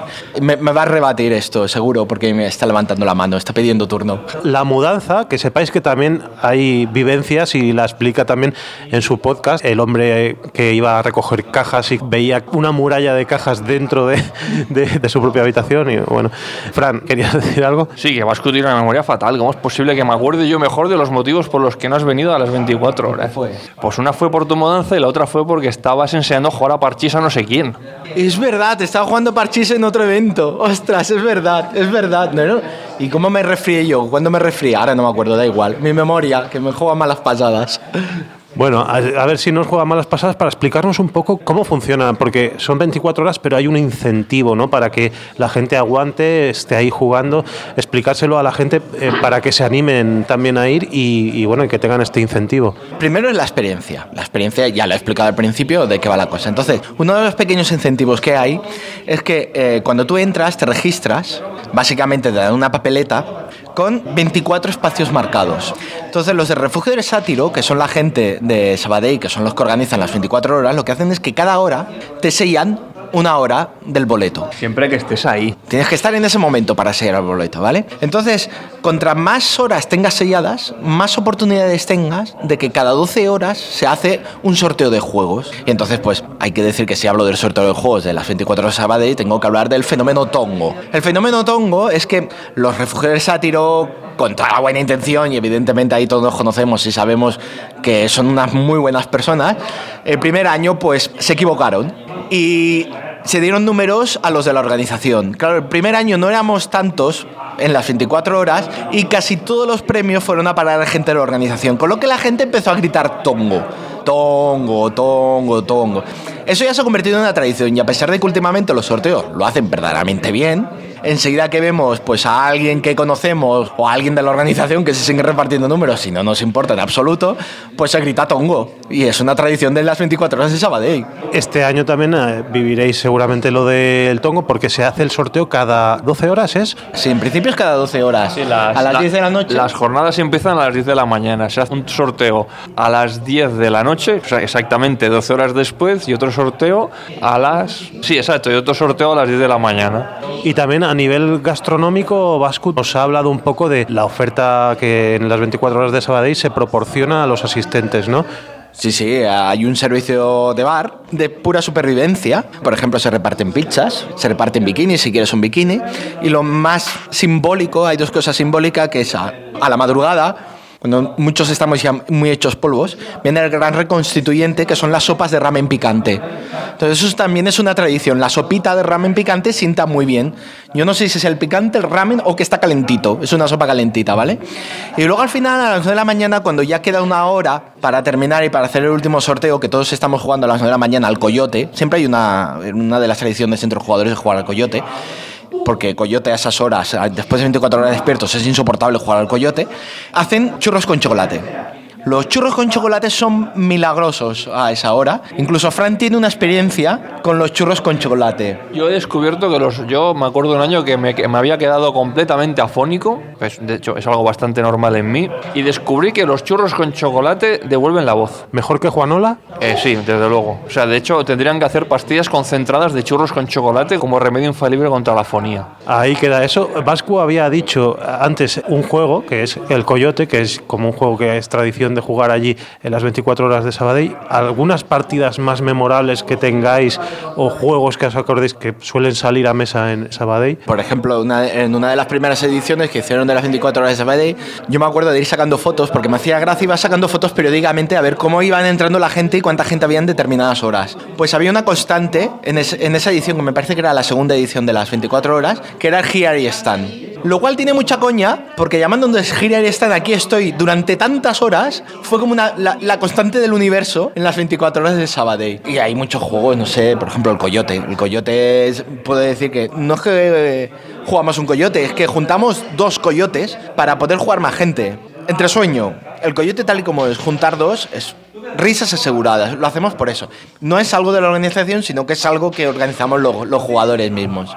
Recuerdo un Furia de Drácula que jugamos con. que jugué con Vasco, con Jordi Roca, con Orak y con un miembro del refugio del sátiro que fue una partida épica. Fue de esas partidas de Furia de Drácula en la que estuvimos toda la partida persiguiendo a Drácula, que casi lo pillábamos que no, que casi lo pillamos pero no, y que se acabó decidiendo, creo que acabamos ganando los cazadores, se acabó definiendo en un combate por una sola tirada. Fue realmente una partida épica y redonda. Y también recuerdo una partida de, de Atocho Fevil, que además creo que fue con la misma gente casi, pero fue en un año diferente. Sí, éramos los mismos, excepto el del refugio del Sátiro, que también estuvo muy bien. También tuvo un combate final con el malo muy, muy chulo. ¿Vasco quería añadir algo? Sí, sí, es que se me está viniendo a la memoria cosas. Por ejemplo, partida de Silverton. Es un juego extrañamente de trenes. Yo jugando un juego de trenes.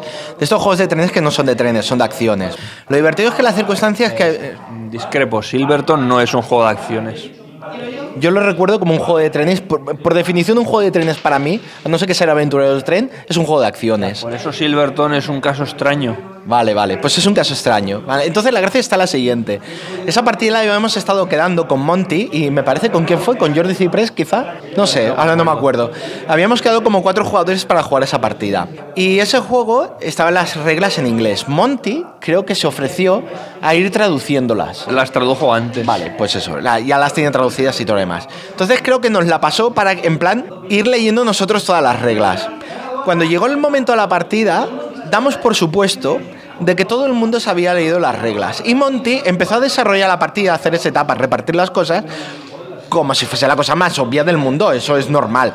Empezamos a jugar la partida y a mitad de partida estamos todos jugando como muy al tuntún, muy a lo loco, en plan, ¿y esto qué es? Preguntando a Monty, oye, ¿y esto crees que estará bien no sé qué? Y nos dimos cuenta que nadie se había leído las reglas. O sea, el único que estaba un poco enterado de las reglas era Monty. Y estamos jugando a Silverton y estamos jugando bien, de una manera aceptable. Eso es que hay, hay nivel, ¿no? Como dirían en el APM. que- bueno, pues eh, son vuestros recuerdos. Lo que sí que decís es que, a ver, estoy igual. La intención es que anime a la gente a ir, pero igual tampoco les hace falta porque está bastante petado de gente y hay gente que juega incluso en el suelo y todo, ¿no? Precisamente las anteriores, las horas que más se ocupa de gente, evidentemente es el sábado por la tarde. Eso es fácil de suponer, a partir de las 6 de la tarde hasta las 10 de la noche, eso está reventadísimo de gente, porque hay que contar que está la gente que ya viene dispuesta a pasar las 24 horas, y además viene gente de Sabadell o de sitios que dice, pues oye, vamos a pasar la tarde y ya está, sin ninguna otra intención. Claro, eso está tan lleno de gente que es que el año pasado había gente efectivamente jugando en el suelo y estaba jugando, pero que muy bien, tan incluso, ricamente. incluso vi gente utilizando sillas como mesa, con el tablero en precario equilibrio. O sea, la gente que va, por ejemplo, para tres horas, cuatro horas, ¿creéis que, que tiene opción también de igual conseguir alguno de los eh, premios que se dan en los sorteos? Totalmente, totalmente. Porque el sorteo, ¿cómo funciona? Cada papeleta tiene un número. Entonces, para hacer el sorteo te tiene que seguir tu número de papeleta, pero aparte eligen un número entre 1 y 12. Entonces, te tiene que tocar tu número de papeleta y tienes que tener marcada la hora. Si no, no te toca. Entonces, claro, cuantas más horas hayas estado, más probabilidades tienes. Pero así, pero un montón de gente que la- le ha tocado habiendo estado simplemente una hora. Es perfectamente posible. Con que estén a las 10 de la noche, eh, que es el primer sorteo, y a lo mejor de casualidad que ha salido un número de eso, de 9 a 10, pues ya está, ya lo tienen. Posibilidad de ampliación del recinto igual no hay, porque es el, el mismo de, supongo que de casi todas las ediciones. Que yo recuerde, hemos, el local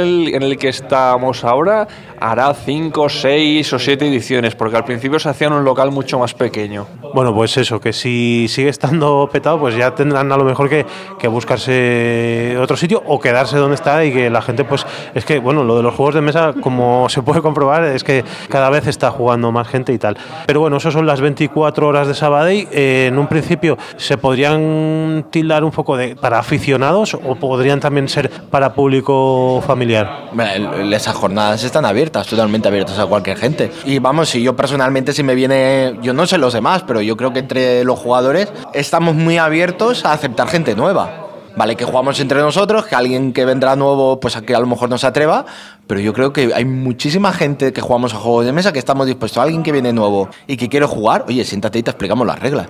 La intención es que está totalmente abierta, la entrada es gratuita. Es simplemente entrar, buscar un sitio, sentarte y jugar un juego. Lo que sí que es verdad, a ver, siempre la gente se queja mucho de que las jornadas de juego acostumbran a ser muy endogámicas, en el sentido de que la gente ya va con el grupo formado y es muy difícil entrar ahí y creo que las 24 horas pecan de ello, pero ya por la propia dinámica que tienen. Porque claro, si ya llegas para jugar con tu grupo formado, si no continúas jugando siempre con la misma gente, es muy, es muy fácil que te quedes colgado y te quedes sin jugar. Por eso mucha gente se queja de que si vienen por su cuenta, les cuesta meterse en partidas porque se encuentran con que la gente acaba una partida e inmediatamente empieza otra con la misma gente. Aparte, claro, que en las 24 horas también llega un momento que coges el ritmo y ya es que acabas una partida e inmediatamente quieres jugar a otra. Y eso es algo que yo creo, a ver, yo siempre lo he dicho, la organización de las 24 horas es impecable. Porque que alguien a las 6 de la mañana, después de haber estado despierto a las horas que ha estado, te siga poniendo buena cara, no hay nada que se les pueda recriminar. Pero sí que creo que la organización de las 24 horas tendría que hacer algo, y no quiero volver al tema de la bandera, busca jugadores. pero que sí que debería hacer algo para procurar localizar a esa gente que se han quedado colgados y procurar buscarles dónde jugar, organizarles partidas, porque si no, hay gente, y lo sé porque lo he leído en blogs, que ha ido y ha tenido una mala experiencia por eso. Yo lo de las banderas busca jugadores, yo lo había escuchado la primera vez, creo que había sido Cabutor que lo había, ¿verdad? En su podcast eh, decía que en algunas jornadas de por ahí fuera que levantaba la bandera y entonces esa mesa estaba buscando a alguien, ¿no? ¿Funciona más o menos así? Sí, exacto. Pasa que no sé, aquí mm, supongo que debe formar parte de- del miedo al ridículo tan arraigado que tenemos los españoles para, para que no se haga. Y luego, a nivel de ludoteca, ¿vosotros eh, ¿qué, qué ofrece ahí el refugio del sátiro? O sea, títulos que se puedan encontrar o, o- o no es problema porque la gente se lleva sus propios juegos para vosotros o cómo va eso? Eh, el refugio del sátiro tiene una ludoteca, ponen toda su ludoteca ahí. Muchos años, además, ayudar jugando, que es una asociación también benéfica, le proporciona juegos porque ayudar Jugando tiene una ludoteca enorme y muchas veces pues se puede colaborar con club si se deja. No sé los términos en que, que llevará ahora la Junta Nueva, pero también tú puedes llevar tus propios juegos. Hay mucha gente que, es va con maletas llenas de juegos, o sea que no hay problema. Te llevas todo el juego, hay juegos y además, además de los juegos de refugio del sátiro están los juegos de ayudar jugando. Por juegos no se los va a acabar nadie. Y como se pueden llevar juegos, la gran pregunta que se está haciendo la gente es si vas a llevar tú el tubo ese de dibujo donde llevas el hule de el hule famoso del High Frontier. Es un poco peligroso. O sea, no creo que me lo lleve. Como yo tengo posibilidades de jugar estos juegos largos, tengo grupos y posibilidades de jugar en otros momentos, pues a mí estos eventos así me gusta más buscar cosa nueva. Claro que si alguien me lo pide y quiere que yo le explique el High Frontier, se lo explico sin ningún problema, vamos. A mí me pone explicar el High Frontier. Bueno chicos, pues eh, muchas gracias. La gente se estará preguntando para cuándo el siguiente episodio de vuestro podcast. ¿Podéis más o menos avanzar para cuándo caerá o...? Eh, no sé en qué estación estamos. Otoño. Ah, pues toca hacer el de otoño, ¿no? Sí, toca hacer el de otoño. Y yo supongo que lo grabaremos este mes, seguramente, y a lo mejor, si no es para el final de noviembre, para diciembre estará, ¿no? Sí, pero no, vamos a, no especifiquemos el año por si acaso. Sí, porque siempre acabamos pillados. Por eso al final estamos diciendo que somos un podcast estacional. Bueno, no os sintáis, bueno, eso, eh, un poco empujados por haber dicho esto. No, no, si empujados no nos sentimos, eso, eso queda claro. Bueno, es el podcast de juegos de mesa con el que más me río. Incluso ha habido alguno, porque mira, lo decimos claramente, el de Kabuto, el que tenía una sección de, de humor, pero joder, yo me reía más con vosotros. Hostia, Kabutor, tío, espabila. Mientras sea con en vez de de, no hay problema. Oye, que, que nosotros encantados que la gente se... Sabemos que hay mucha gente que nos lo dice, que se ríe mucho con nuestro podcast. Una alegría enorme, de verdad. o sea, nos gusta mucho eso. Bueno, pues eh, seguir así, y bueno, y seguimos jugando por aquí por el Queimada, ¿no? Sí, por supuesto, que no falte. Hombre, que tenemos que acabar la partida, que estamos a medias. Star Trek Catan Federation con los mapas de la Federación de Mayfair, ojo. Compra en Sabadell. En Sabadell.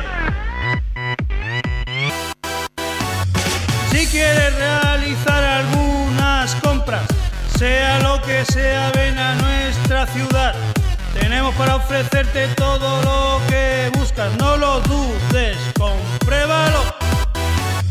Incluso aterrizar, tenemos aeropuerto, tú decides cómo venir en autobús, en tren o caminando.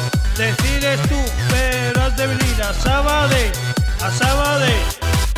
Nuestra ciudad que ofrece comercio, bienestar y pasear.